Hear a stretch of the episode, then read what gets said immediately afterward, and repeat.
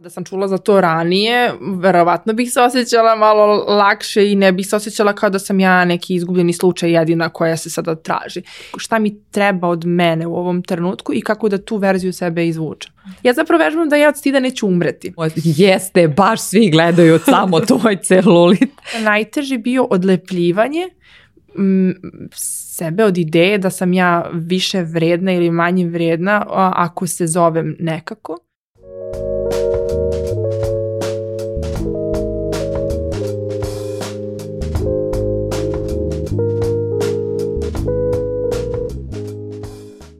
Bila je perspektivna brand menadžerka u svetski poznatoj korporaciji, a onda je dala otkaz i otišla u Afriku da volontira.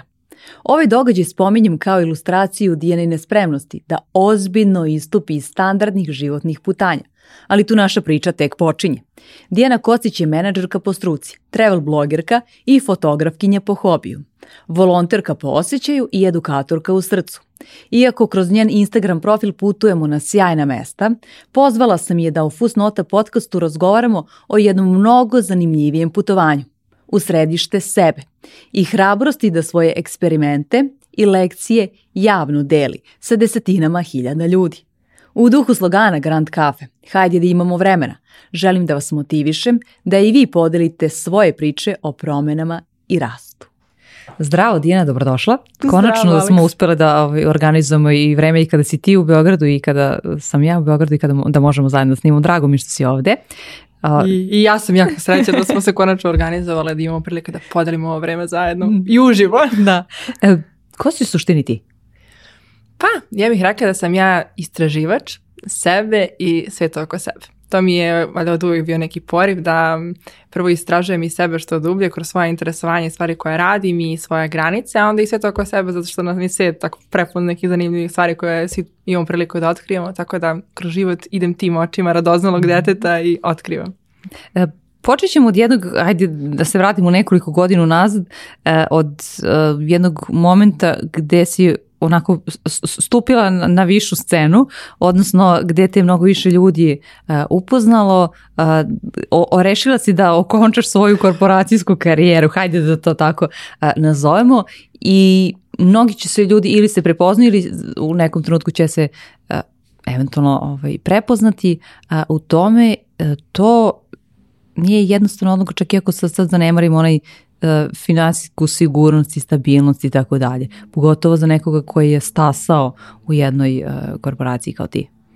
Da, to je bio jedan izazovan i mislim ogroman poduhvat za mene uopšte je odlučivanje da se izađe iz jednog sistema koje je s jedne strane baš to davalo i sigurnost, s druge strane u tom trenutku ja nisam um, ni imala u svom okruženju ljude koje su živeli niti nekim preduzetničkim digital nomad životom ili su, mislim, imala zapravo jako malo takvih ljudi, tako da um, ja osjećala sam da mi je falilo tad i podrške i razgovora s nekim da mi kaže kao ok, ovo može da se da se prevaziđe ili da se prođe kroz to. Uh, ali sam osjećala baš to kako me život uvek vodio kroz te faze razvijanja i upoznavanja sebe i otkrivanja sebe, da sam sebe kroz tu svoju ulogu s jedne strane ne, neko zaokružila i nije mi tu više ništa bilo izazov, pa je bilo ok, šta bi bilo sledeći izazov i mislim da ta nesigurnost uh, odlaska iz nečega što je poznato u, u nešto što je apsolutno nepoznato, jer ja to kad sam davala otkaz, uvek sam to govorila, ono, lako mi je kad znam šta hoću, jer ja znam da sve što želim da uradim mogu nekako postoji neki put ili ću da ga izmislim, ali ako izazim iz nečega što neću, a ne znam tačno i šta hoću, e to je bilo najproblematičnije, da ja zapravo vidim šta bih ja zapravo htela sledeće da radim i u kom smeru će me život odvesti, ali da, mislim, taj, i, e, taj izlet mi je naravno na neki način i predefinisao moj put kasnije, uh, E, jedna stvar koja mi je jako koristila, koja mi je moja tada koučica, sada drugarica Martina rekla, kad sam ja bila u februaru, sećam se da smo razgovarale o, o tome šta će sledeći, ona mi je rekla, pa dobro, da li misliš da nešto što odlučiš sada će imati uh, smisla ta tvoja odluka za 6-7 meseci kad, sam ja, kad bih ja realizovala svoju avanturu u Africi i vratila se u Srbiju, osjetila, pa dobro, realno za 7 meseci ono, sigurno ću ja promijeniti šta god odlučim danas, možda neće imati toliko smisla, tako da to je bio neki glavni, glavna stvar koja me pogurala da, da poverujem da ne moram sve da znam unapred. E, je li ti to najviše tištilo onako i, i davalo ti neku nesigurnost, kao ha, znala bih kako da se sa ovim sučim, to si i malo prorekla, ali taj moment ne izdrža nekog ili kako, kako bi ga ti već definisala? Nesigurnost, mhm. misliš e, šta bi došlo posle? Da, ili? da, da. Pa da, mislim da smo, e, ipak je posao nešto što nam daje neku sigurnost i stabilnost. Mislim, barem je meni u tom nekom, e, u, u nekoj toj pređašnoj ideji mene, jer e, ja sam sebe definisala kao Dijanu iz Red Bulla ili Dijanu brand menadžerku i pitanje je bilo koja je Dijana bez toga jer Dijana bez toga nije postojala. Ja sam u toj kompaniji radila 9 godina i od ono sa faksa prvo je bila Dijana fona. Znači to jeste bio najveći deo mog identiteta i mislim da je to jedna velika zamka svih nas koji, e, mislim, kroz odrastanje se ubacimo u formu um, te ili titule kroz posao, a da zapravo često ne vidimo tu celovitost naše ličnosti i meni je to bilo kao, okej, okay, E, i zapravo mislim da sam ja jako puno e, svoju vrijednost definisala kroz tu ulogu i poziciju. Da je kasnije, ok, ali ja ako nisam u korporaciji ili ako nemam iza sebe sistem, šta je to što definiše zapravo moju vrijednost? I to je bio isto jedan put da ja zapravo prepoznam vrijednost u svemu što ja jesam, a ne u ulozi i da danas, na primjer, više meni ne optereću ko, može neko da me nazove kako god, mislim, sve jedno mi je, ja imam e, sebe u tom smislu i ta titula menjat se realno svakog dana ili svake godine, nije to toliko nešto što je, što je važno. Kako je, kako je izgledao baš konkretno ovaj, taj put onog ponovog izmiš, izmišljavanja sebe, ako to možemo tako da, da nazovemo? Pa mislim da je bio put uh, isprobavanja i praćenja šta je ono što se meni radi sad za sad. I to je, mislim, mm, i dalje, kad sad se vraćam, i dalje mi izgleda jako zastrašujuće, zato što, primjer, ja sam se vratila u um, septembru, oktobru iz Afrike i kao bilo, ok, šta se sad meni sledeće radi. I... Um, iz, izašavši iz sistema bez tih okvira i struktura, bilo je ok, ja mogu sad da radim sve što mi se radi. Jer ipak, kažem, ja sam počela da radim na, odmah nakon studija i onda su tu bili neki koraci. Ja sam sad bila upoznala, pa dobro, mogla bih malo da fotkam, mogla bih malo da pišem i volim da organizujem radionice, pa sam malo to radila i onda sam dala sebi prostora pa hajde da radim sve što mi se radi. Jer mislim da je to isto jedan deo um, razvojnog puta koji nekada uh, preskočimo kroz uh, fakultet ili kroz srednju školu, jer pa ti srednju školu si završila, ali treba da upišeš faks. Da li ti znaš šta se tebi radi ili se ne radi, mislim, realno se ni ne upoznamo i da se istražimo baš na taj način, nego kao ovo kuc svi tu mali muja, pa ću ja da isprobavam nešto šta, bi, šta mi deluje na, na prvu da se meni radi da se studira. I meni je to, mislim da sam tih prvih dana, prvi godinu dana sam baš isprobavala, istraživala i radila samo to što mi se radi, što mi se sviđa i uz put negde m, mm, istraživala i kakvi su ljudi sa kojima se meni radi i upoznavala sebe u kontekstu radnog vremena, radnog okruženja, dala sam sebi stvarno dozvolu da sve to eksperimentišem i da uh, kreiram život koji je baš u skladu sa mnom i u tom datom trenutku. Što si rekla s početka kao uh, da izašla sam iz korporacije, ja nekad budem fazonu mislim ja možda ja sam možda se ja vratim u korporaciju za godinu dve, ako je osim da je to sad nešto što radi opet mene, da osjećam neki izazov u tome. Uh, ali mm, ono što sam nekako kroz put prepoznala je ta lepota upoznavanja sebe i praćenja um, te dinamike našeg bića, da mi ne moramo uvek da znamo sve i da ako se meni sad nešto radi ovog mesta ili narednih šest meseci, da zapravo u svakom trenutku imamo prilike da stanemo i da promislimo pa je to to što mi se radi ili mi se možda nešto drugo radi i kao ok, ajde da vidimo kako da to nešto drugo realizujemo, ne mora da znači da će za sve biti potrebno mesec dana ili šest meseci, možda će za nešto biti potrebno i par godina, ali da uvek možemo da se upustimo u to neku novu avanturu i da vidimo šta će nam to doneti.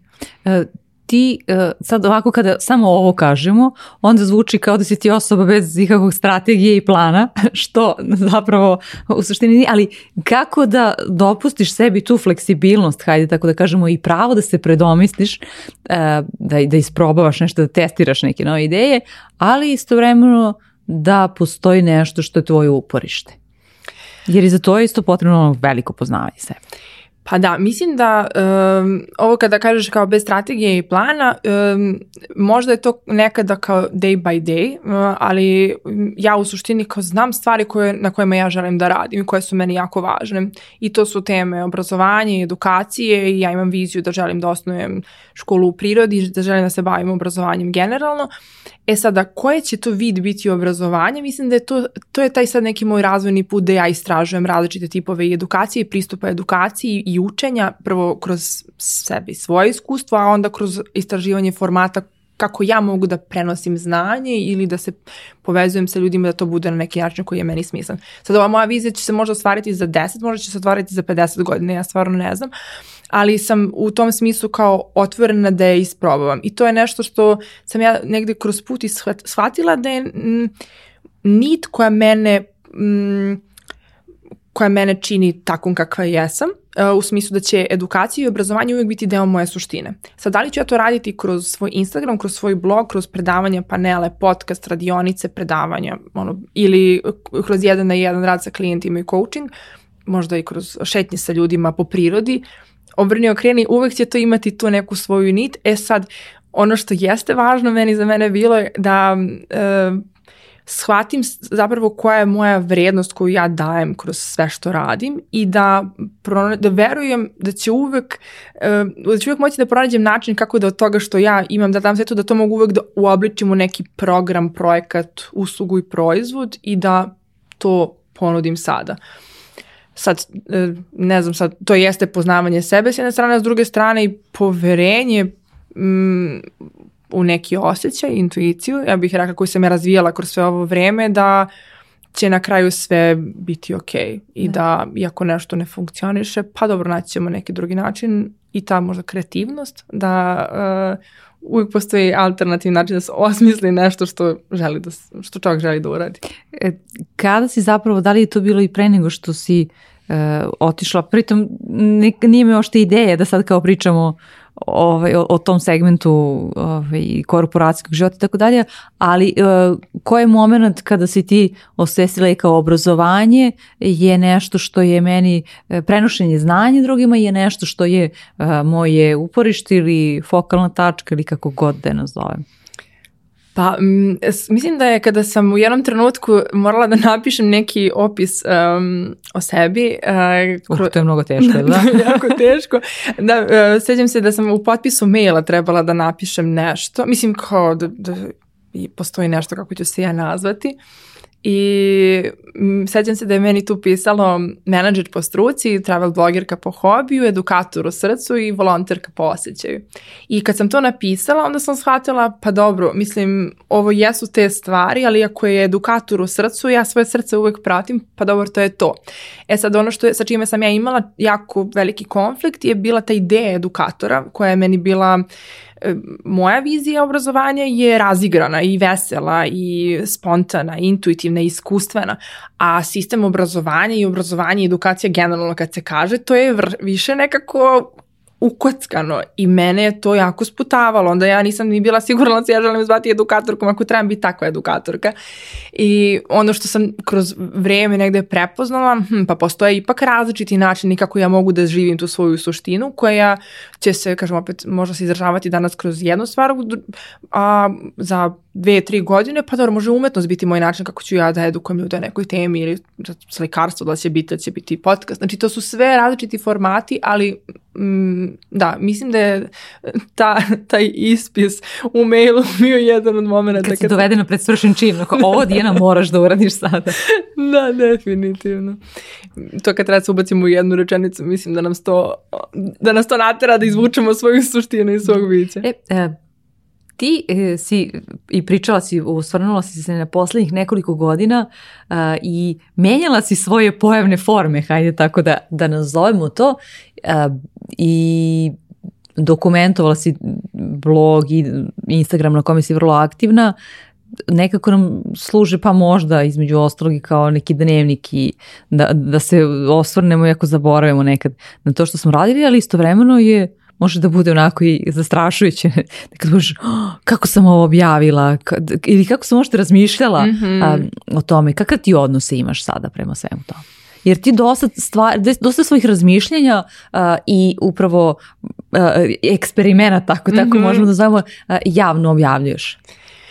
Pa u, Što nije kritika, ali samo pitamo. Da, da. Pa u 95% situacije sam u fazonu kao ovo, drago mi je što sam to podijelila. Bilo je par nekih situacija da sam nešto podijelila. E, vi, više iz te pozicije neke ranjene, da kažem, ono isfrustrirana nekim situacijama u medijima, u zemlji i onda vidim da sam, više mi je to bilo kao, ček, ne, mi, ne mogu da kažem da sam nešto možda tu puno predomislila, nego više vidim u sebi tu osobu koja je bila ono u nekoj, nekom trenutku bespomoća, pa je tu, kako će da izrazi to, onda je to kroz društvene mreže izrazila. Uh, pa mi možda jedino to bude... Mm, kažem, ne kažem ni da mi je sad kao žao, nego e, mislim da u nekim trenucima je za mene puno korisnije bilo možda tada da to što sam osjećala neku nelagodu ili neku neprijatnost ili koju god emociju da sam pronašla, pronašla možda alternativni način da, da sebe kao zbrinem i dam sebi šta god, jer mislim da društvene mreže mm, nisu uvek alac za, ne, ne treba bar, bar po mom mišljenju da uvek budu alac za izbacivanje kao neke svoje frustracije, negativne energije, kod mnogima to služi, nego da je ipak zadatak da mi sebe ono, zaštitimo ili da damo svom biću sve to što nam treba u datom trenutku i, i da neko tako ispoštujemo sebe više. Općino postoji bokserski džak, to je mnogo efikasnije. ja stuk, udarati, sve su to opcije. ja, ja sam otvorena i pozivam ljude uvek da nauče kako, kako konstruktivno uh, bes izraziti. da. A, a, ovaj, ali kada kažeš aha, gde sam kada se osvaneš, gdje sam bila u te, bilo kakvom u razmišljanju ili slično e, ili ukoliko se ne realizuje neka ideja koju si, hajde mm-hmm. da mhm. kažemo, najavila e, i, i koju si javno podelila a, e, ljudima. Jer obično, vrlo često ljudi kada su na nekom putu mm-hmm. a, e, ne tek kada, kada smatraju se nekakav put i neki cikl, ciklu završio, onda kaže je bilo je to i to mm-hmm. ili se osvrnuo to, ti nekako govoriš i o samom tom putu. Pa ja mislim da je važno to, zato što e, opet ako mi gledamo samo rezultate nečem što smo uradili, malo i ne, ne vrednujemo taj proces, a s druge strane mislim da je opet i društvene mreže nama služe da se povežemo sa ljudima, da prepoznamo i u drugim ljudima neke delove nas koji su i nesigurni, koji vagaju i koji promišljaju i sve što se nalazi na putu ostvarenja bilo čega što nam je važno. I um, onda ja s jedne strane e, iz te neke odgovornosti prema sebi, jer kao želim i da sebi dam kredita za sve što radim, bez obzira što, to, što nisam gotov proizvod, jer na kraju dana niko od nas nije gotov proizvod i mm, mislim da je čak i lepota i mm, to sam i u posljednje vreme počela još više da osjećam satisfakciju iz tog deljenja puta, jer moj kvalitet interakcije sa ljudima je puno lepši. I na kraju dana ja sve što radim, mislim, radim iste neke potrebe da se izrazim, da, da se ostvarujem kroz sve što radim, ali e, ono što dobijem kroz taj put e, i u čemu beskrajno uživam je povezivanje sa ljudima koji su sa mnom na tom putu, koji opet dele slične teme, slične razmišljanje i onda zašto bih sebi uskratila za, za tu lepotu, jer na kraju dana i ono što nam internet i daje priliku da se baš povežemo s ljudima koji, s kojima smo na istoj talasnoj dužini često ja nisam u svom okruženju imala neposredno možda iz porodica, osnovna srednja škola ljudi koji razmišljaju slično kao ja. A taj internet mi je dao to da neko kaže da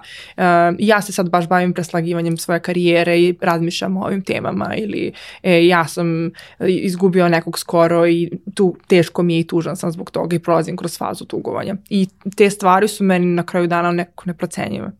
E, ti si ja bih rekla pa i hrabro, e, na kontu toga preslažem svoju karijeru, objavila jedan YouTube video e, da o, o svom traženju u 30. godini, što onako zvuči kao jo, Dijana se žali kako se traži u 30. godini. Neki ljudi se u 50. nisu našli, a, ali je, ima dobrih, dobrih poent, poenti kroz, kroz sam video i rekla si kako da, uh, si u tom trenutku ovaj, neposredno pre toga prolazila kroz uh, period vrlo nesigurnosti mm -hmm. i slično, onako si to javno otvoreno i da kažemo ranjivo mm -hmm. a, a, e, rekla. E, između ostalog i sada recimo kako sada gledaš na, na, na to tvoje razmišljanje koje je zabeleženo?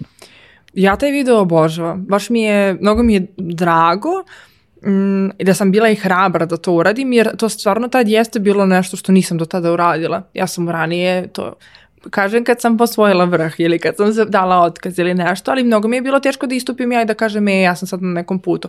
Ali onda sam mi prepoznala, pa dobro, mislim, ja sad ne znam kad će se završiti ovaj put, a s jedne strane mislim da je važan, zato što ja sam u nekim, nekim svojim fazama tih 30 koji su i dalje traju, um, čula za neki koncept i tako opet razgovarajući sa ljudima, um, baš to kao kri, da li kriza srednjih godina ili to opet neko traženje sebe, pa da sam čula za to ranije, verovatno bih se osjećala malo lakše i ne bih se osjećala kao da sam ja neki izgubljeni slučaj jedina koja se sada traži. I uopšte, opet to povezivanje sa ljudima koji su isto i u kom, neki su u komentarima tog videa napisali kao hvala ti što si podijela, neki su bili u fazonu uh, ti se tražiš, No, devojko vreme je bilo se prođeš sa 18 godina, mislim, ne mogu da kažem, u, e, i, i te stvari su mi bile neko i simpatične, a, da da vidimo zapravo i kako različiti ljudi razmišljaju, a s druge strane, kažem, meni je sad mnogo mi je lepo da imam priliku iz ove perspektive i da pogledam opet i gde, gde sam bila i koliko sam negde se više pronašla i kako zapravo mogu da imam kapacitet da priznam stvari u kojima sam. Jer ipak to stajanje sa sobom u svojoj nesigurnosti nešto što nam daje snagu dugoročno. Da sad ne moram ja da se krijem iza toga, ja moram da znam sve odgovore da bi nešto rekla. Jer onda onda bismo čekali mnogo toga jer mm. realno uvek ćemo nešto učiti i uvek će postati šansa da kažemo nešto što nećemo misliti za šest meseci. Da. E, kako sada definišeš sigurnost? Uf. Super pitanje.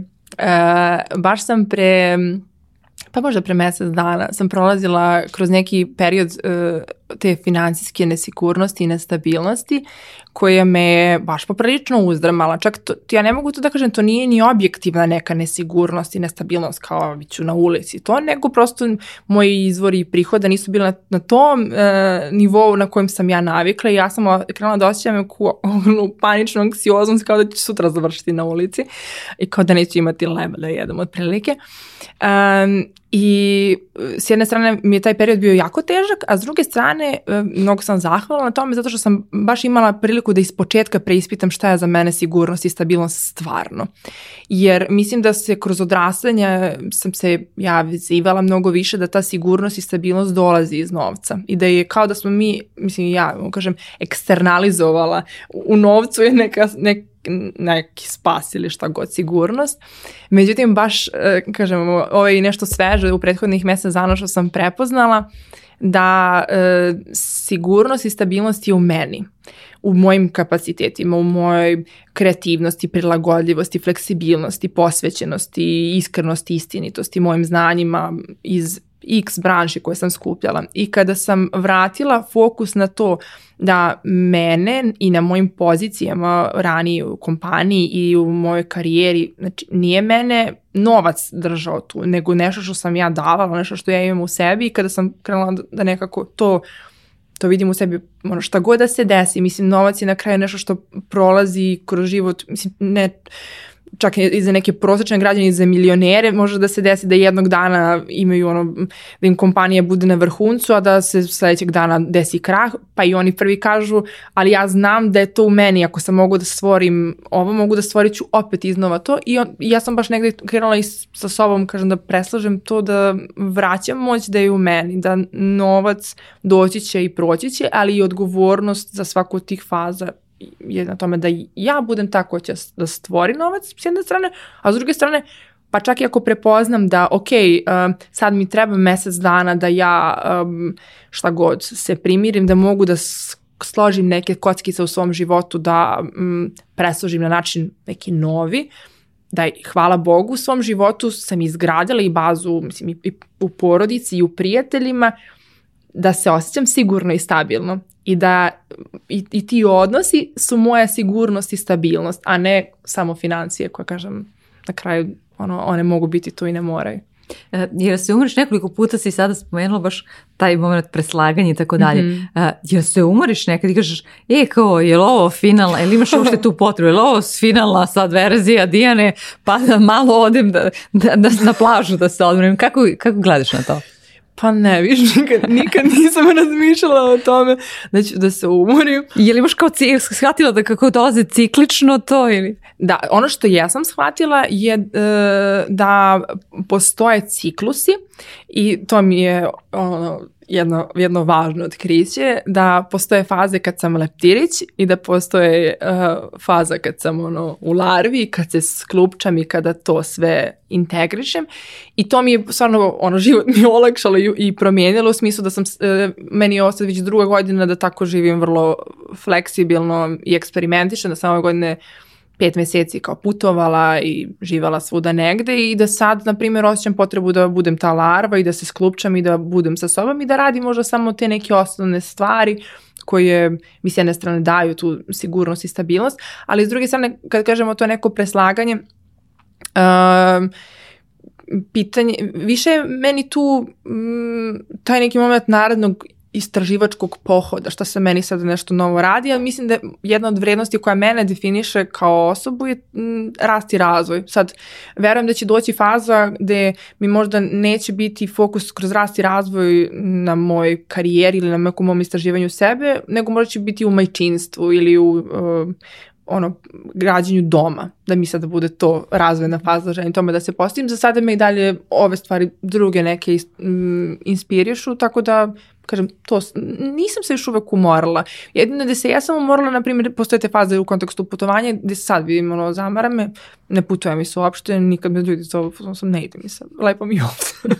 a, a kako onda a, prvi put kada si, sada da već shvataš da postoji mm -hmm. E, a, ciklus, a prvi put kada si se našla a, u tako nečemu i sad onda a, iz jedne, hajde da kažemo, super ono, aktivnosti i sve, e, i sama osjećaš želju da da se uzemljiš, mm -hmm. kakav onda, ono, kako izgleda taj monolog onda? To je bilo strašno. Jel se onda pitaš, jel sa mnom sve okej, okay, da se mi o nekoj lošoj fazi?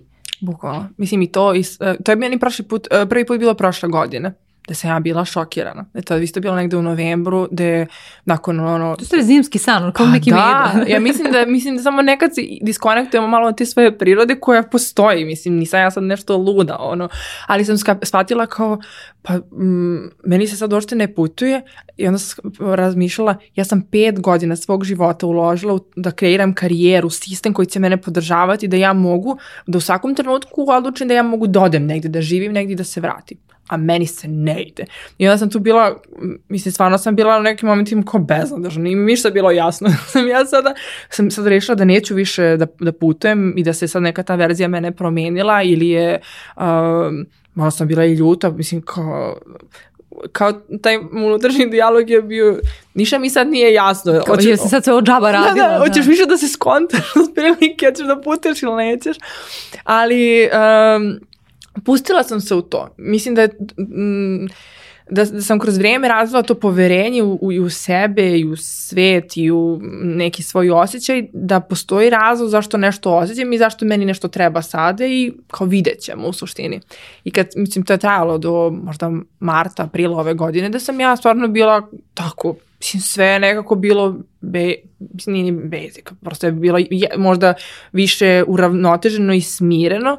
I onda mi se javila želja za opet istraživanjem i onda sam nastavila taj svoj neki novi ciklus i evo sad se opet vratio i sad mi je puno lakše, znam da kao ovo nije konačno i čak i ako bude konačno ne brine me toliko, ali kažem prošle godine je bilo kritično. Da. E, svi nekako većina nas u stvari teži da i, imamo neki ritam mm -hmm. i ti dosta se baviš e, i tom temom i dosta toga si podelali. E, koji su tvoji, šta, šta te to drži u ritmu bez obzira što je, je mnogo toga podležno a, promeni. Da, ja verujem da su rituali jako važni i da je to ono što nas idri, posebno u situacijama to ako smo i na putovanjima ili ako imamo neke stvari u životu nedefinis, mislim nedefinisane, odnosno imamo karijere koje su tako fleksibilne. E, ja vidim da meni bez nekih mojih rituala, ono dan kao da nisam skroz svoje. Meni su jutra jako važna i tu da ustanem, meditiram, doručkujem, pišem dnevnik, čitam knjigu, ali tih prvih dva sata je, meni služi da ja na neki način postavim svoj ton dana. Mislim, una, najčešće unapred znam neke stvari koje ću raditi, neka znam i ceo dan unapred, ali prosto to mi daje prostor sa sobom da vidim ono šta je ono što je meni važno za mene u toku tog dana i negde da se toga usnoračeno rečeno držim. Um, sad i večere, ve, i večeri na neki način kada imam prostor opet to da, da osetim u telu šta mi je bilo ok, šta nije, šta bih možda drugačije, da imam taj neki ono razgovor sa sobom, ali ipak, kažem, jutro su mi ključna, kad, kad mi jutro bude tako dobro i po svom ritualu, onda u toku dana nemam, imam vrlo malo tih nekih um, kao previranja da nisam sigurna šta bih i kako bih i um, Mislim da je isto jako važno meni taj kontakt sa sobom u toku dana, jer ipak energija u toku dana varira. I m, baš zbog moje dinamike života, uh, Nekad radim coachinge, nekad radim radionice, nekad idem da fotografišem i slikam nešto. Ure tu jako puno različitih aktivnosti i onda ja imam često taj ček sa sobom da imam, na primjer, ono, ako na, na, nađem sad vremena na luftu da vidim šta mi sad treba, da se ipak malo konsolidujem. Znači, da li mi treba da sad prošetam pa da se pripremim za narednu aktivnost, jer često, kažem opet, za mene bar mogu biti aktivnosti vrlo različite i da mi treba različite, da kažem, verzija mene i onda mi treba kao, okej, okay, ajde sad kao prošetaj ili ajde sad uh, skuvaj ručak da bi mogla posle toga da, ne znam, pišeš jer mi treba da se mozak izađe iz tabela da, da bi radila nešto kreativno. Da, baš mi, uh, to mi je vrlo interesantno, to kao tranzicija i menjanje iz uloga u ulogu. Ja sam recimo, to sada oslog pre, premenjujem, tako što imam asocijaciju od, na određene mirise za određene e, aktivnosti i to, me, e, to mi pomaže da promenim uloge kada je potrebno. E, I kako si došla zapravo do toga je kao treba mi to? Treba mi taj moment nekakve pauze mm -hmm. u mhm. toku dana e, kada, se, kada sam ja Dijana fotograf pa sam onda popodne e, coach i baš mi znači da napravim tu pauzu. Kada si shvatila je ovo mi je baš važno? Mm, pa, da sam ovako vrlo distinktivno napravila razliku um, kada sam pripremala mentorski program za digitalna kreatora ovog proleća, krenula sam da razmišljam o tim, jer dosta ljudi koji su na mentorskom programu radi isto neke ili korporativne poslove ili poslovi koji su više vezani za neku neku praktikaliju, da kažem, jesu na kompjuteru. Ja sam krenula da razmišljam malo više o tome kako, šta meni pomaže da uh, mi kreativnost bude u toku kada nešto treba da stvaram. I onda sam krenula da obraćam pažnju koji su to moji rituali koji meni pomognu da, um, jer pre, prepoznajem da nekada, ne znam, ako odem u šetnju, tada budem više inspirisana da pišem. Posle toga da ako sam, ne znam, izdavala fakture, da posle toga, mislim, ne, ne mogu ništa, mogu samo da nastavim da kucam nešto. I istraživajući, mislim da to taj proces nekog samoposmatranja i prepoznavanja kako moja energija izgleda u toku dana, a s druge strane i što su svi spomenula, kako ja Uh, sidrim svoje različite uloge. Ja sad, na primjer, znam kada radim coaching, sedim za stolom. Kada pišem, sedim na kauču. Kada mi nešto treće treba, idem da se prošetam. Znači, bukvalno sad sam krenula da istražujem i mislim da je jako važno da mi kod sebe malo s jedne strane posmatramo i upoznamo mm. šta nam za šta prija i da onda u skladu sa, sa tim nekim notkarićem kreiramo opet to rituale koji će nas podržati da bismo mi mogli različite faze svog rada uspešno da realizujemo. I, kažem, i, i sada ja se opet vraćam na to uvek da, da proverim šta, šta mi treba od mene u ovom trenutku i kako da tu verziju sebe izvučem. Da. E, upravo to kao uh, mozak onda dobija to kad sedneš na određeno mesto, mm. kada mu pošalješ tu informaciju koja mu je neki način već ovaj, postala automatizam, da. dovoljno puta uh, ponoviš, on dobija tu informaciju, da. E, sada ću se, sada radim to um, ili uh, i, i slično. E, a, ovaj, Tako si, da, dakle, u danu jednom, nisi, se, nisi eksperimentisala sa time, e, danas ću da se posvetim samo o fotkanju, sutra ću da se posvetim samo pisanju, preko sutra ću da se posvetim samo u tome, već u, u toku dana menjaš uh, uloge. Jesi probala sa ovom varijantom? Hm, e, da budem samo u jednoj ulozi, pa ne. Mislim da malo, to je sad i taj deo moje ličnosti, da ja, ja na primjer ne mogu ni puno da istražujem primjer radi, meni to bude naporno. I, e, i, shvatila sam da iako e, putujem, i ako imam želju da neki sadržaj kreiram, da dokumentujem, da istražim i to, ja to ne mogu da radim 18 sati, mislim mogu, ali moja energija nije, mhm. znači ja onda ni ne uživam u tome i mnogo mi više prije, na primjer, da provedem 3-4 sata, bilo da sam na izložbi ili negde, da uživam u tom okruženju, da istražujem, da doživljavam, onda da odmorim i da onda imam dva sata ili tri sata neke rekapitulacije i kreiranja. Da, to je sad neki moj tok koji mi prija. I da sad, ok, ako treba, nekad i, i posao diktira te stvari da... Mm, ako treba da odgovorim na mailove, yeah. ne, ne mogu sad da kažem, e, samo sutra ću da odgovaram na mailove, neće mi čekati jedan dan u nedelji kad se baviti mailovima. Ali um, mislim da je, kažem, ta neka moja kako ja vidim neku tu multidimenzionalnost svoje ličnosti i različitih potreba koje imam ja u toku dana, jer ja imam nekad potrebe i za stvaralaštom, imam potrebu i za povlačenjem, i za samoposmatranjem i za istraživanjem. I onda u suštini ja najčešće kroz dan idem tako, ok, šta mi se, koju ću od ovih potreba prvo da zadovoljim, I onda, ako, mislim, ako postoje mogućnost da ih baš organizujem tako, a najčešće mogu. E, kako praviš uh, neke uh, E, da, hajde da se vratimo prvo na, na, na ovaj trenutak u prošlosti, pa ću te onda pitati mm -hmm. e, za budućnost. Kada kažeš i kada si govorila prethodnim godinama gde si testirala dosta sebe, da eksperimentisala, e, da li si sebi dala neki rok? E kao, probaću ovo u, u tom, ne znam, vremenskom periodu ili to je neka kranja granica, linije šta god, pa ću onda da odlučim da li ću to raditi ili ne ili si išla u to onako intuitivno? Pa bilo je nekih momenta kad sam postavljala rokove, ali ti rokovi baš i nisu se nešto, uh, nisu mi dali to što mi treba. Jer ja poštujući ovaj psihodinamski coaching pristup koje, na, i edukacije na kojoj sam, negdje tu prepoznajem, mi ako nešto ne odlučujemo, postoji neki deo nas koji se buni protiv nečega i treba nam da se nešto složi. Sad ja mogu da kažem sebi ja ću nešto uraditi do tad. Mislim, ili da ću sebi prostora da eksperimentišem, ali prosto najčešće više je taj neki unutrašnji osjećaj.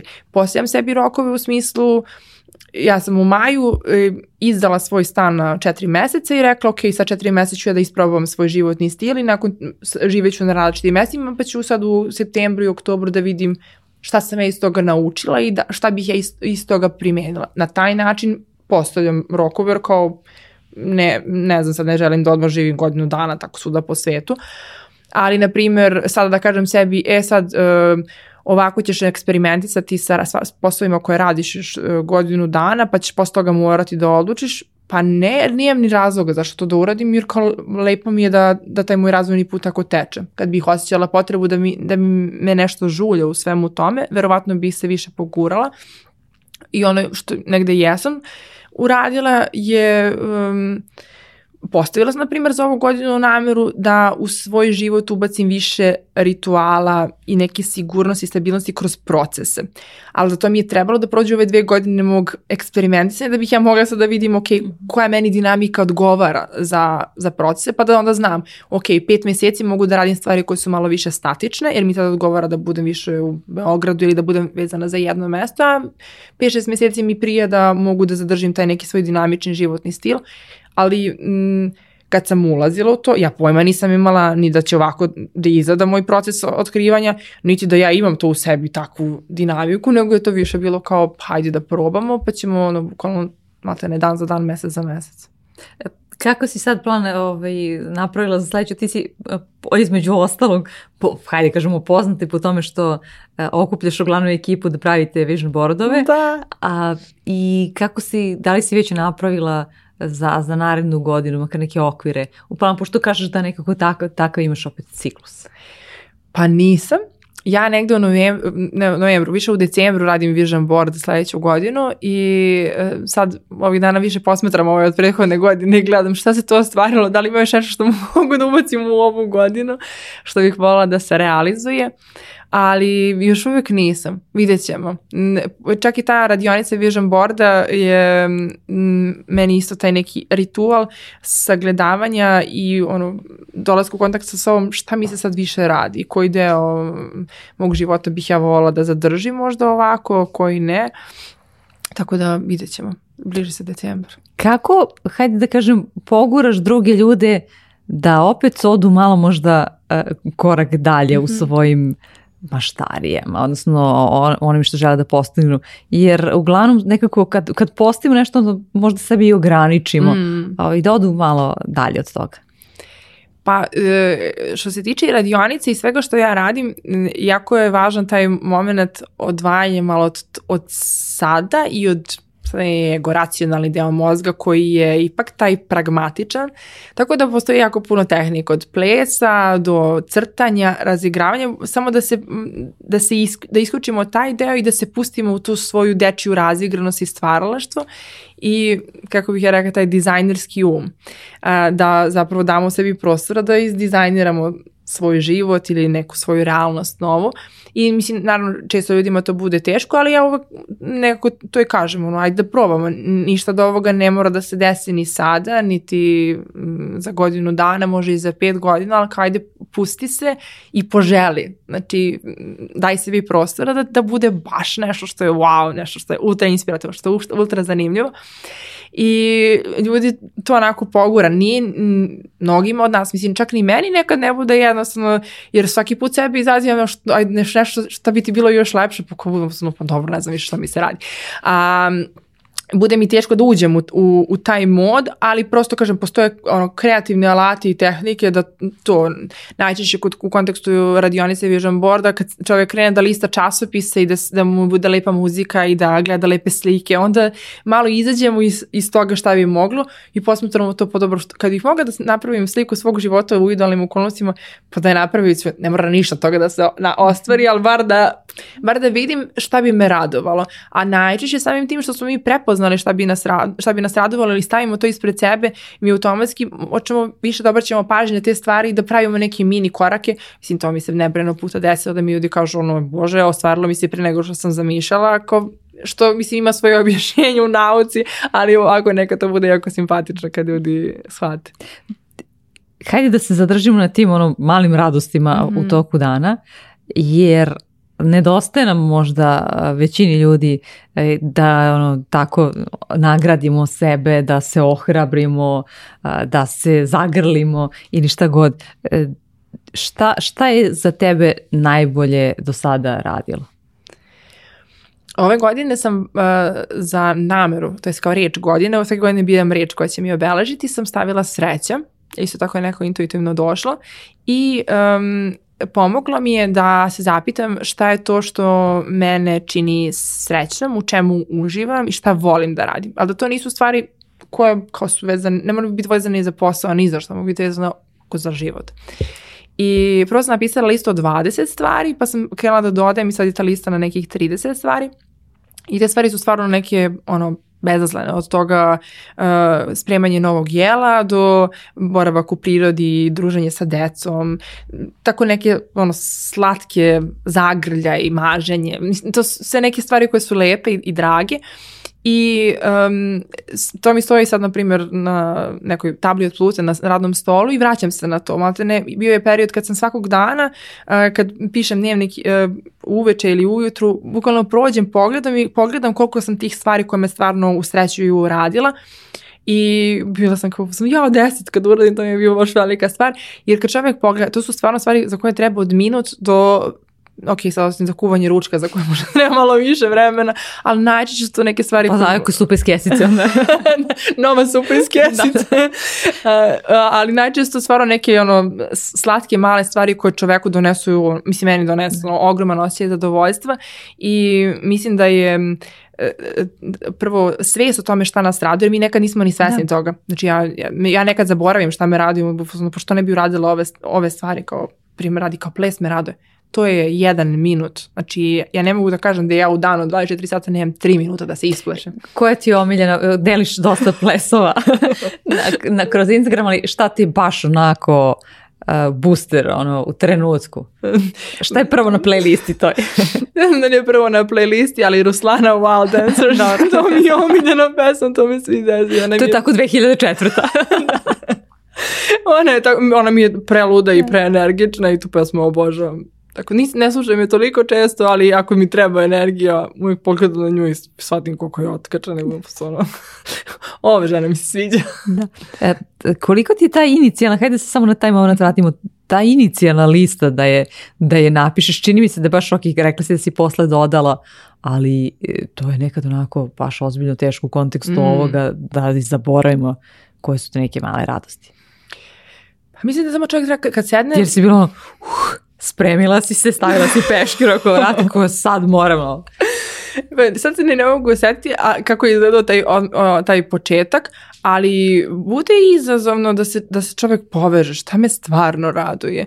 I um, ja kažem, često i kroz rad s klijentima zadajem im takve zadatke koji su vrlo jednostavni. Mislim, sad za ovo možda se i tebi i meni možda činiti da kao za to mi sad će mi trebati tri dana da vaga, ali najčešće to je 10-15 minuta. Znači, samo da, da, samo da čovek bude u tom stanju malo opuštenosti. Nije sad, e, sad sam seo, imam 5 minuta, minuta da napišem, ne kao, ok, skuvala sam čaj ili kafu, sela sam, aj sad da zapišem šta je to što mene čini srećim i da obratim pažnju zapravo koliko tih stvari sebi pričinjavam. Jer kao na kraju dana to što sam ja negdje shvatila sebe, za moju sreću sam ja odgovorna, mislim niko drugi. Ove stvari mogu samo ja da uradim, ok, može neko da mi ponudi, hoćeš da, da plešeš, ali realnost je da kao ja sam ta koja treba da izabere to za sebe i kao ako želimo više nečega u životu, um, važno je da mi sebi to priredimo, neko omogućimo.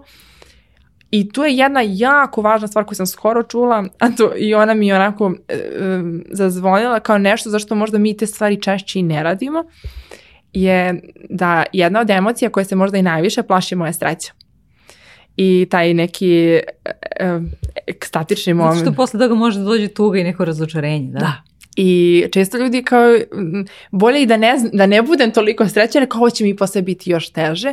I ja često i, i sa ljudima i kad pričam, znači meni to bude fascinantno da u okruženju mi sad kad pričamo, ono prvo što se krene, ono, ne, da sad nešto ispričamo šta nas nešto frustrira i nervira, kao aj, pričamo o tome šta je lepo, jer, mislim, realno ima jednih i drugih stvari.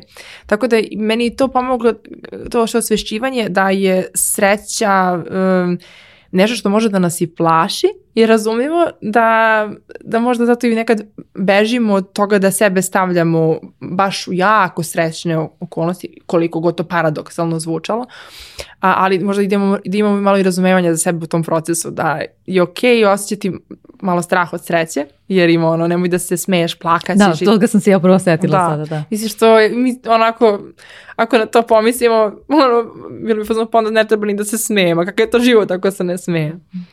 E, Kako izgleda sada, uh, ti često, rekla, spomenula, sam, spomenuli smo taj ples i postoje i različite terapije uh, plesom i tako dalje, ali e, i ti si i otvorno rekla kao, ha, uh, ovo je zapravo moment oslobađanja od stida i od da. greške.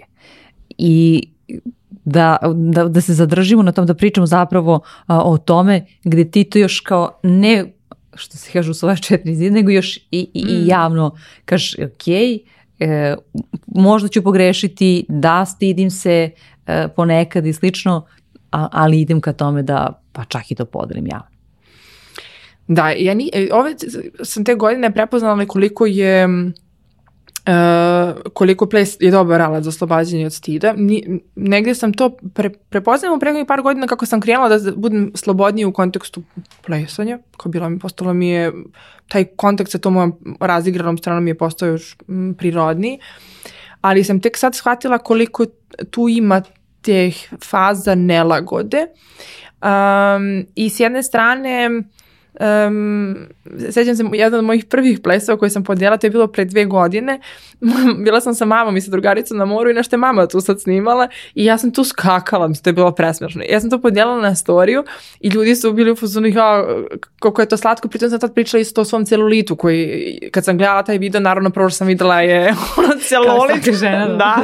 Pa sam, I onda kako su ljudi, baš su bili ohrabrujući, ja sam shvatila, pa da, možda nam zapravo ovakvih stvari malo više treba da budemo m, nežniji, saosećajniji prema sebi. Um, A naravno, mislim, sa svojim stidom sam se bavila i kroz psihoterapiju i to je bilo jedna od najtežih emocija za nekako biti u kontaktu sa njom, ali onda sam shvatila, ok, um, ako želim da prihvatim i stid kao nešto čega ne želim mm, da bežim, jer šta nama stid radi, nas stid parališe.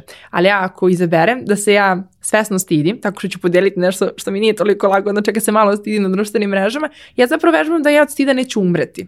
Jer stid nama daje taj osjećaj, ono, propašću u zemlju i nestaću sa ove zemlje.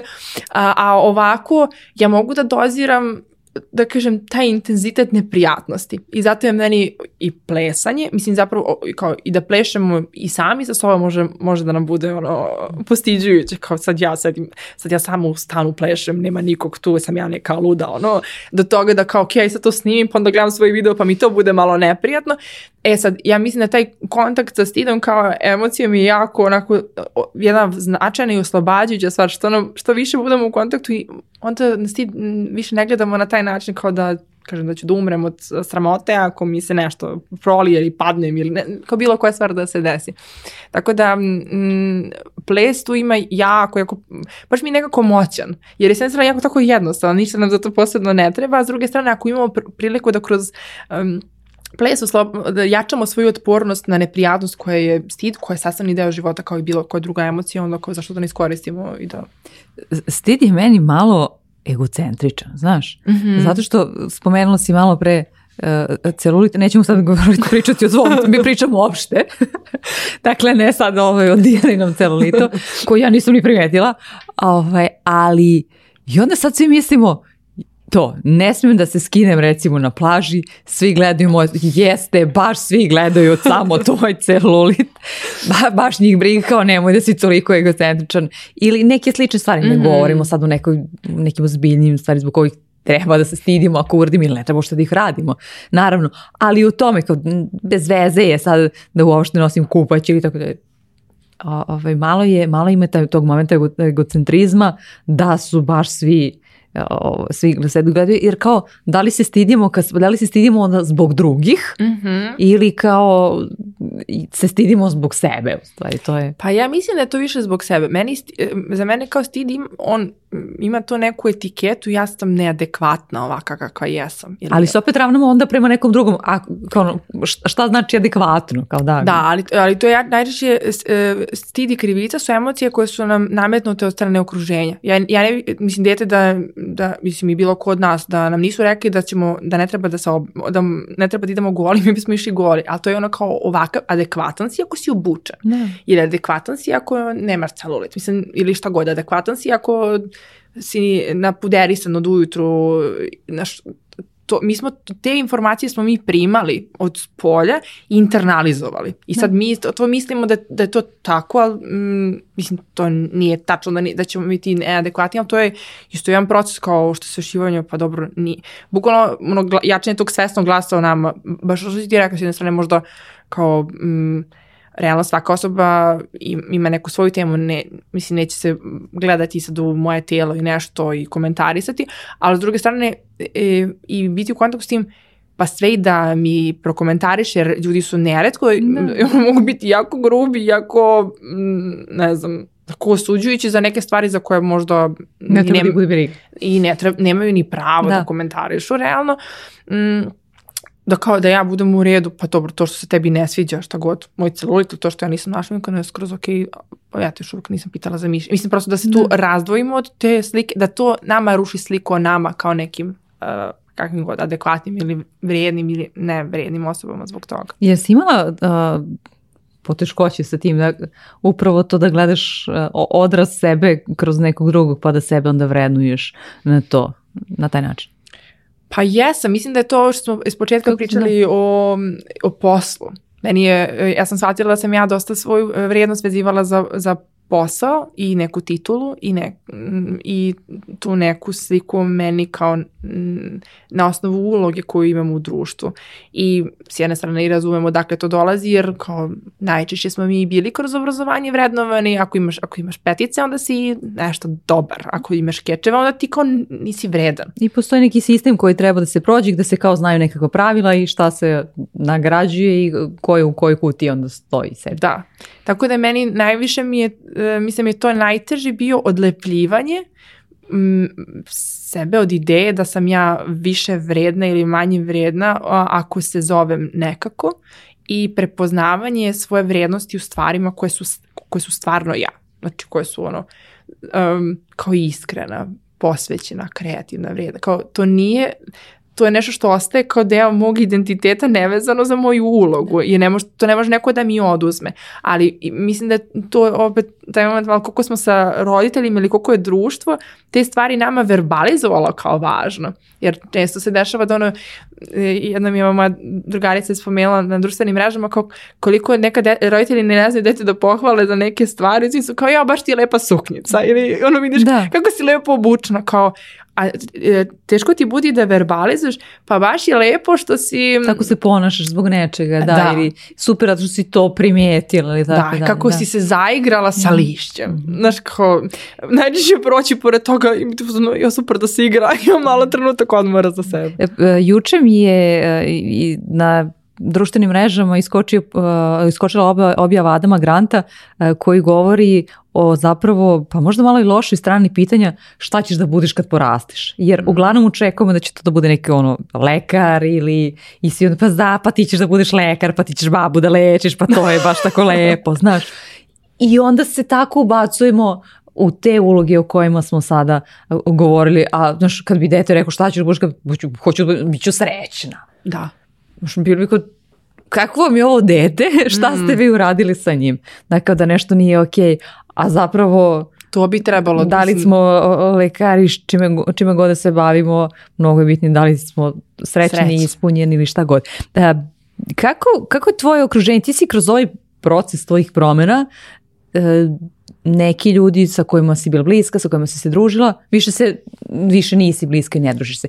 I osim što dovedeš onda pitanje i sopstvenu, sopstveni identitet, dovedeš onda pitanje e, i to, jer nekako i, oni, i ti ljudi koji su činili tvoj život, a niste se sad kao posuđili, pa da znaš mm. jasan razlog zašto, da nisu više deo toga. I sad ti i tu treba da gradiš neko novo okruženje. Da, to je isto jedan, mislim, bolan proces, što kažem, raz, rast i razvoj je bolan, to, to je činjenica. I mm, I teško je. Mislim, teško je stalno, posebno e, sa malo isto društvom koji je vredno je prijateljstvo od kolevke do groba. Mislim, znaš kao imamo malo taj narativ da sad tre, ako sad ja ne družim se sa drugaricom iz osnovne škole, da ne znam, tu sad neko nije dobra drugarica ili nešto. Um, I da naravno prolazila sam različite faze um, prepoznavanja prirodno sa kim mi se provodi vreme više, a sa kim manje. Um, I s jedne strane davanje sebi prava i prostora da ipak odlučim da radim ono što mene nekako osim se bogatije kroz ne, neka poznanstva i iskustva. Ali tu postoji taj moment kao tugovanje tih odnosa, jer i, o, možda i stavljanje njih u neke nove kockice Jer ako sam ja porasla i sad možda imam više interes, interesovanja i tema da podelim sa tobom, a da neki, neki ljudi s njima mogu da nastavim da razgovaram samo u osnovnoj školi, e, sa, sa nekim širokim spektrom mojih interesovanja, ako s tobom mogu pričamo 95% stvari, s nekim mogu samo 1%. Pa realno, za tih 1% morat ćemo se vidjeti jednom godišnje. Da. Ili se osjećaš kao da ste, ono, da ste stalno na istom mestu, da nema tu nekog uh, novog napretka, da te stalno nekako vuku mm. negdje da su oni ostali, negdje koliko god ti dragi bili. Da. Jeste i to je taj moment malo puštanja toga da je da je to okej okay i da...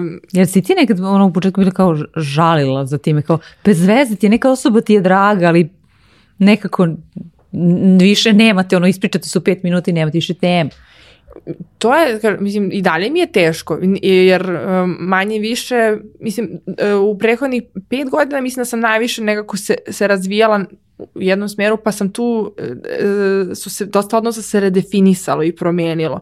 I bude mi teško, posebno kad vidim neke drage ljude koji, s kojima sam se družila tako operativno, da se oni ili okupljaju ili viđaju, pa meni, pa mi budu, pa žao mi je što, što ja nisam sad deo te zajednice, A s druge strane kad sebe pitam stvarno, ok, jer m, mm, u tom trenutku i da su te zvali ili da ste se dogovorili, da li bi to bio tvoj prvi izbor? Realno ne bi bio. Znači, zato što m, mm, znam opet neke svoje prioritete, ali mislim da je kao taj žal i tugovanje i odnosa takvih kakvi jesu i puštanje i otvaranje za neke nove je isto deo razvojnog procesa od kog, mislim, ne možemo ni da pobegnemo, mi na, najradije, mislim da smo svi imamo, imamo tu tendenciju da najradije ne bi da nas tako nešto boli, neko da možda malo boli, ali on, boli, ono, boli i pusti se da boli onako malo po malo meni šta često koristi to baš da se pitam šta je ono što se meni sada radi, sa kim se meni sada stvarno provodi vreme, sa kim im ja potrebu ovo da podelim što osjećam sada, jer mi se neretko dešavalo kao, pomislim, kao imam nešto da podelim, kao da, da pozovem sad neku osobu koju znam nebitno duže ili nam sam nešto prošla, i iz ideje kao, zato što se toliko znamo, možda bi ona trebala prva da sazna, ali da onda od te osobe ni ne dobijem to što mi treba, jer možda ne može ni tako da se obraduje sa mnom. Ne zato što je ona loša, nego prosto opet to mislim da tu ne je razume va... taj deo tebe da. Nešto, da. Mm -hmm. i kao prihvatanje da ipak je važno da ja to podelim s nekim ko će da uživa u, u toj razmjeni na kraju dana jednako kao i ja a da za odnose koji su na, na kom god nivou pa na, s nekim ljudima ću nastaviti da uživam u šetnji a sa nekim ću nastaviti pričati o biznisu a sa nekim ću pričati o emotivnom razvoju znači prosto mislim da je i to važno da, i da cijenimo taj, čak makar dijelili taj jedan delić da. i to je okay, to je e, njihov značaj. To je isto, da, to je jedno bilo od um, važnih lekcija za mene u kontekstu postavljanja očekivanja od određenih odnosa. Mm. Ne moram iz jednog odnosa da imam apsolutno sve, ali je okay da to kao, kao što si ti rekla je, ako mi je s nekim super da, da šetam mm. i uživam u tome, neka naš odnos bude samo a, u, u tom kontekstu i ne moram ja da očekujem da mi budemo preko sutra najbolji drugari. Sasvim je okej okay da, da, to, da to bude tako. E, koliko je tebi vremena bilo potrebno da, da se tako posložiš, kako bi ti rekla? Pa ne znam sada kako, kako je vremenski. Mislim, pa, da to... kako izgledate proces? Više to da, pitan. mislim da je više, što se tiče procesa, da je izgledao tako što sam prepoznavala kad mi se šta radi. Bilo mi je jako teško u nekim momentima um, da izaberem sebe uh, pre nego neka očekivanja od nekog okupljanja sad neko se okuplja sa kim se meni možda ne dođe, tad možda tad imam veću potrebu šta god da pišem uh, za svoj sajt. A, I da kao, da budem okej s time, ovo mi je trenutno važno i da tražim uh, s jedne strane razumevanje u svemu tome, a i da s druge strane ako ne dobijem razumevanje, shvatim da, da li je to takav odnos kakav ja želim. Jer za men, ja želim da, da ljudi u mom okruženju isto kao što ja dajem razumevanje šta god da ti je važno u ovom trenutku, ono ok, da se tome posvetiš, da ja isto to tražim za uzvrat. I da s druge strane pustim da, da se tu negde isto mimoiđemo. Um, to je sad jedna stvar kako sam nekako polako puštala i bila s jedne strane u kont mislim da kažem opet mi zato da traje isto jedno 4 5 godina kako sam se ja menjala i neka moja interesovanja i, i pravci delovanja ili životne okolnosti uh, da se negde mimoiđem s nekim ljudima, ali isto tako verujem da kao vidjet ćemo, život je ono, uvek se menja, ne znači da ću ja sada, da će to ovako biti za zaovek, prosto i prihvatiti i mislim da je opet tu važan taj narativ e, oko prijateljstva, da je u redu da mi biramo um, da provodimo vreme sa ljudima koji nam prijaju, koji su nam značeni u ovom trenutku, ne ignorišući ove neke druge, nego, mislim, isto ih validirajući jednako, ali prosto birajući šta ti je prioritet sada. I ono što mi je puno pomoglo je da, što si ti sad spomenula, da, mislim, uslovno klasifikujemo ljude u neke segmente ja imam kapaciteta da u životu imam dva do tri prijatelja, stvarna, koji su, kojima mogu da budem toliko emotivno bliska da i njima dam taj prostor da se osjećaju sigurno, bezbedno, da mogu uvek da me pozovu, da uvek mogu da im se nađem. Um, nemam za 20 ljudi, to nije realno. Znači imam za 2-3 da, da mogu stvarno da budem tu uvek za njih i imam prostora za 20 drugarica sa kojima ću ja isto tako deliti različite stvari, ali možda da različite stvari. U smislu s nekima ću uživati u odlasku u bioskop, s nekima u šetnju, s nekim na trčanje, s nekim na planinu i da mi u toku godine imamo neko kvalitetno vreme zajedno koje nam svima prija i gde svi osjećamo neku jednaku razmenu u tom odnosu. Da obe osobe uživaju radeći to što vole zajedno i prihvatajući da je to dovoljno od tog odnosa, jer m, mm, više m, mm, nije moguće ni, nekad ni sa jedne ni sa druge strane. To se me neče pokazuje. Ja čak i da nekada forsiram uslovno da dam nekoj osobi više moje podrške ili nečega, možda ta osoba nema to meni da, da da, pa i, njoj, i onda i ona se neće osjetiti srećno ako ja samo njoj dajem nešto, ona meni ne, jer svi odnosi jesu neka vrsta razmene uzajamnosti i jednakosti. E, da zaokružimo ovaj razgovor e, pitanjem koje isto postavljam svakom gostu, a to je bez kog znanja e, ili veštine ti danas ne bi bila ova Dijana sa kom ja razgovaram evo, u, u isteku 2022. godine, pošto će se to promeniti, tako da zato naglašavam. pa mislim da se ovo možda čak i neće menjati. Mislim da je to radoznalost. Ako je to, to je osobina, veština. Ili, ili treba da bude nekako sposobnost praktičnije? Pa mislim da je skroz ok, da, kada da, ovaj, ti kao neko ko završava sada da Oli, ali to bi trebalo da bude da osobina zapravo. Pa da. Mislim, to je nešto što bez toga ne, ne bih bila i mislim da je to nešto će me uvek voditi kroz život. A, da, radoznalost. Hvala ti na ovom razgovoru. Hvala i tebi, divno je bilo. Ljubida, pa ljubi, ljubida, pa di, ba, da, ba, da, pa da, pa da, rumba.